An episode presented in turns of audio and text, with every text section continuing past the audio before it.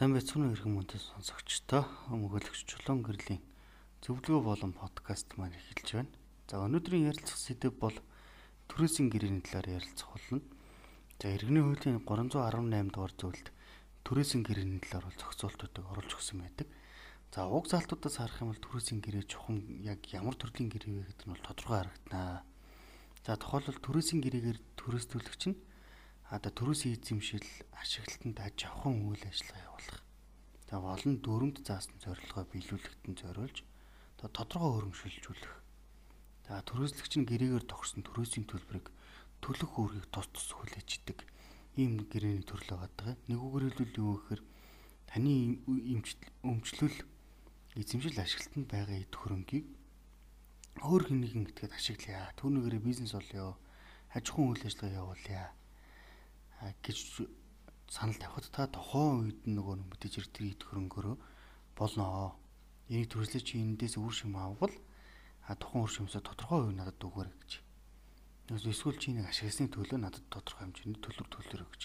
За энэ бол гэрийн төрөөсийн гэрээний бол үнцөө ойлголт яваад идэг. За бид ер нь хэлбэрийн хувьд бол төрөөсийн гэрээний хувьд бол юу гэхээр бичгээр идэг. За үйл хөдлөх хөрөнгө төрөслөх гэрээг бол бичгээр хийхээс гадна хөлөдлөх хөрөнгийн бүртгэлийн газарт цаал бүртгүүлэхээр зохицуулттай байдаг.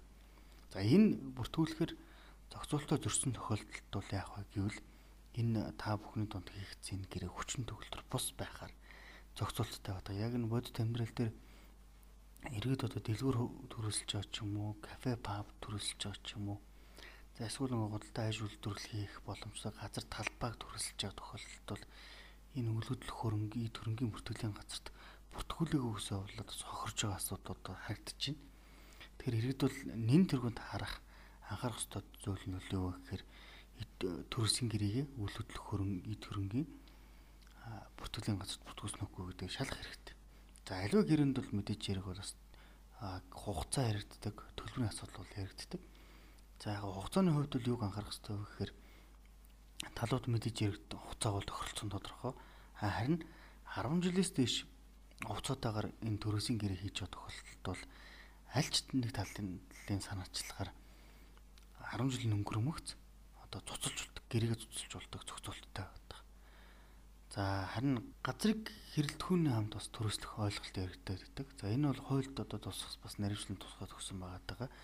Нэгс нь бол газрыг бол одоо хэрэглэгдэхүүний хамт бол төрөлссөн тохиолдлыг ойлгох гэсэн. Тэгэхээр нөгөө төрөслөгч хэрэглэгдэхүүн тус бүрийг одоо арчлан хамгаалах давхар үүргээ хүлээждэг нийгэм онцлог төрлийн гэрээ байгаа. За энэ газрыг хэрэглэгдэхүүний хамт бол төрөслөх ойлголтод юу ороод байна гэхээр анхааруулжтай зүйл нь юу гэхээр за мэдээж гэрээнд заасан бол төрөслөгч нь төрөөлж байгаа одоо хэрэглэгдэхүүний одоо зарим хэсэг нь те аж ахуйн зорилгоор захиран зарцуулах эрх нээлттэй байх нь хэрвээ энэ аж ахуйн зорилгоор захиран зарцуулж байгаа бол үүнд нь бас одоо тэр тоног төхөөрөмж юу гэдэг энэ тэр одоо хэрэглэгдэж байгаа хэрэглэгдэхүүнээ хамгаалах, харьцлах тэр тордох үүрэг нь бол одоо төрөслөгч талдаа бол байгаад байна.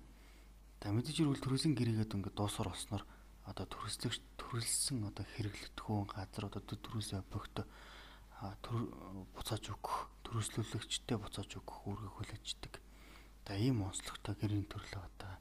За мөн дээрэс нь анхаарчтай зүйл нь юу гэхээр 90 хуульд зааснаар төрөөсийн гэрээнд бас тусгаалan зааж өгсөн нэг юм ойлголт байгаа. Үйлдвэр аж ахуйг төрөслөх ойлголт байдаг.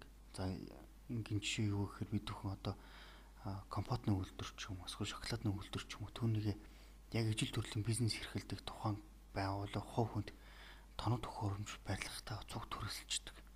Тэгээ энэ бол үйлдвэр аж ахуйг бол хэрэглэгдэхүүний төрөлсөж байгаа ойлголтод орж идэг гэсэн үг тэр тоног төхөөрөмж барилга байшин савыг ашиглаад өөрийн нэрийн төрлийн бүтээгдэхүүнийг гаргаж байгаа л гэсэн үг л дээ. За харин энэ тохиолдолд яаж нөхөр юг анхаарах хэрэгтэй вэ гэхээр энэ магадгүй нэг хэрэглэгдэхүүнд хамаарж байгаа мал тэжээвэр амтнууд устсан буйдаг гимтсэн бол та төрөслөгч аж ахуйн үйл ажиллагааг зохиох ёсоор хэрэгсээс үл хамааран нөгөө тухайн хохирлын төрөслөлөгчтэй төлөхөөр арилгах үүрэг хүлээждэг магадгүй мал тоо тоолгонд цөөрцөн байлаа гэж бодоход түүндэд дүц үз төр одоо тэр малын тоо тоолго өсөж өгөх эсвэл тэр түнд нь тохирсон тэр хохирлон тохирсон төлбөр төлөх бол ойлголт яваад байгаа. Мөн дээрэс нь иргэдийн дунд одоо төрөөсийн гэрээтэй холбоотой бас их хүмүүс нэг ойлголт яригддаг. Тэр дундаа юу гэхээр ресторан ч юм уу, за эсвэл одоо паб, эсвэл одоо аж ахуйн үйл ажиллагаа явуулах зорилгоор худалдааны энэ бизнес эрхлэх зорилгоор объект төрөсөлдөг. Одоо нэг өөрөө ч юм уу нэг талбайг ч юм төрөсөлдөг. Гэтэл тэр төрүүлсэн гэтгээд давхар өөр гурдагч төрөслөгддөг ойлголт байгаа даа. Тэгээ тэр давхар төрүүлсэн хүнээсээ одоо төрөөсөн төлбөр давхар аваад байгаа ч юм уу тийм. Энэ тохиолдолд яаж нэг гэхээр иргэний хуулийн 323 дугаар зүйлд бол маш навчлаад тодорхой заагаад өгсөн байна.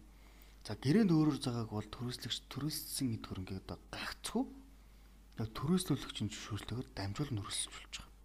Өөрөөр хэлбэл дамжуулж төрөслөхийг заавал төрөслөлөгчийн өмчлөгч эзэмшигчийн зөвшөөрлөгөөр хийнэ гэж. Хэрвээ ингээгүү бол тухайн төрөслөгчдөд үүргээ зөрчсөн байна. Гэрээг цуцлах бас нэгэн үндэслэл болно шүү гэдэг байдлаар ойлгохтойгоор. За тэгвэл магадгүй нөгөө төрөслөлөгч этгээд нөгөө өмчлөгч эзэмшигч үе төрөнгийн эзэн маань өөрөө зөвшөөрчлөө гэж бодвол дамжуулан төрөсөж болж. Харин дамжуулан төрөсөж байгаа тэр одоо 3 дахь хүн маань гэсэн үг л одоо дамжуулан төрөсөж байгаа этгээдмэр өөрөө нөгөө тухайн талбай, газар, объектыг ч юм уу яг анхны тохиролцоон шиг төрөслөхгүйгээр шал өөр өөр төрлийн үйл ажиллагаа явуулаад эхэлчихвэл энэ өөрөө төрөсөн гэрээний бас тоглол зөрчил үүснэ. Гин зөрчлөг хэн арилах вэ гэхээр анхны төрөслөгч буй дамжуулж төрөсөлж байгаа. Тэгэд хариуцгаар ийм зохицуулттай байгаад байгаа. Аа мэдээж үргэлт одоо энэ зөрчил гарлаа гэрэн дээр тохирсон энэ үйл ажиллагаа явуулахааргүй боллоо гэж үзэх юм л дамжуулан төрөслөгч дамжуулан төрөслөж байгаа гэдгийг гэрээгийн цуцлахыг одоо төрөслүүлэгч өөрөө шаардах хэрэгтэй байдаг. За ийм юм бол байна. Тэгэхээр мэдээж хэрэг бол энэ төрөслөгч итгээд одоо гэрээнд заасан үүргээ зөрччихсөн. Одоо сая миний хэлсэн шиг энэ дамжуулан төрөслөх нь үйлдэл нь одоо гэрээнд тохирсон анхныхаа энэ хилцлээс өөрөөр байдаг юм бол мэдээж хэрэг бол хариуцлага оногдуулах нь бол зөөсний хэрэг. Энэ хариу төрөслөгчийн хариуцлагатай холбоотой тусгаасан бас залтууд орж өгсөн байна. Нэгт бол юу гэхээр төрөслөгч төрөөсийн гэрээ дуусруулсны дараа ердийн буюу гэрээгээр тохиролцсон илтгэдлийг тооцоод та төрөөсийн төрөнгийн буцаан өгөхөөр хүлээдэг. Тэгснээр энэ гурав тухайн эд хөрөнгийг яг ашиг хэрэглэгдэхүүний дагуу ашиглаж байгаа бол илэгдэл хордлыг тооцоод яг тохироод хэрэгсэн бол төр эд хөрөнгийг буцааж өгөхөөр хүлээлгэж байна гэсэн. За мөн хоёрт бол төрөөслүүлэгч өөрт очсон хохирлоо гэсэн. Нүснүүд эд хөрөн гимтдсэн тий а тухайн одоо объектыг хэвдэж гимтээсэн бол одоо тэр нэг арилгуулахаар эсвэл тэнд тохирсон хохирлыг багдуулахаар шаардаж болно. За мөн дээрс нөгөө нэг хугацаа нь хэтэрчихсэн. Төрөөсийн хугацаа гэрээнийхээ хугацаа нь хэтэрчихсэн. Төлбөрөө төлөх хугацаа нь хэтэрчихсэн бол тэр төлбөрийг шаардаж авах боломжтой байдаг.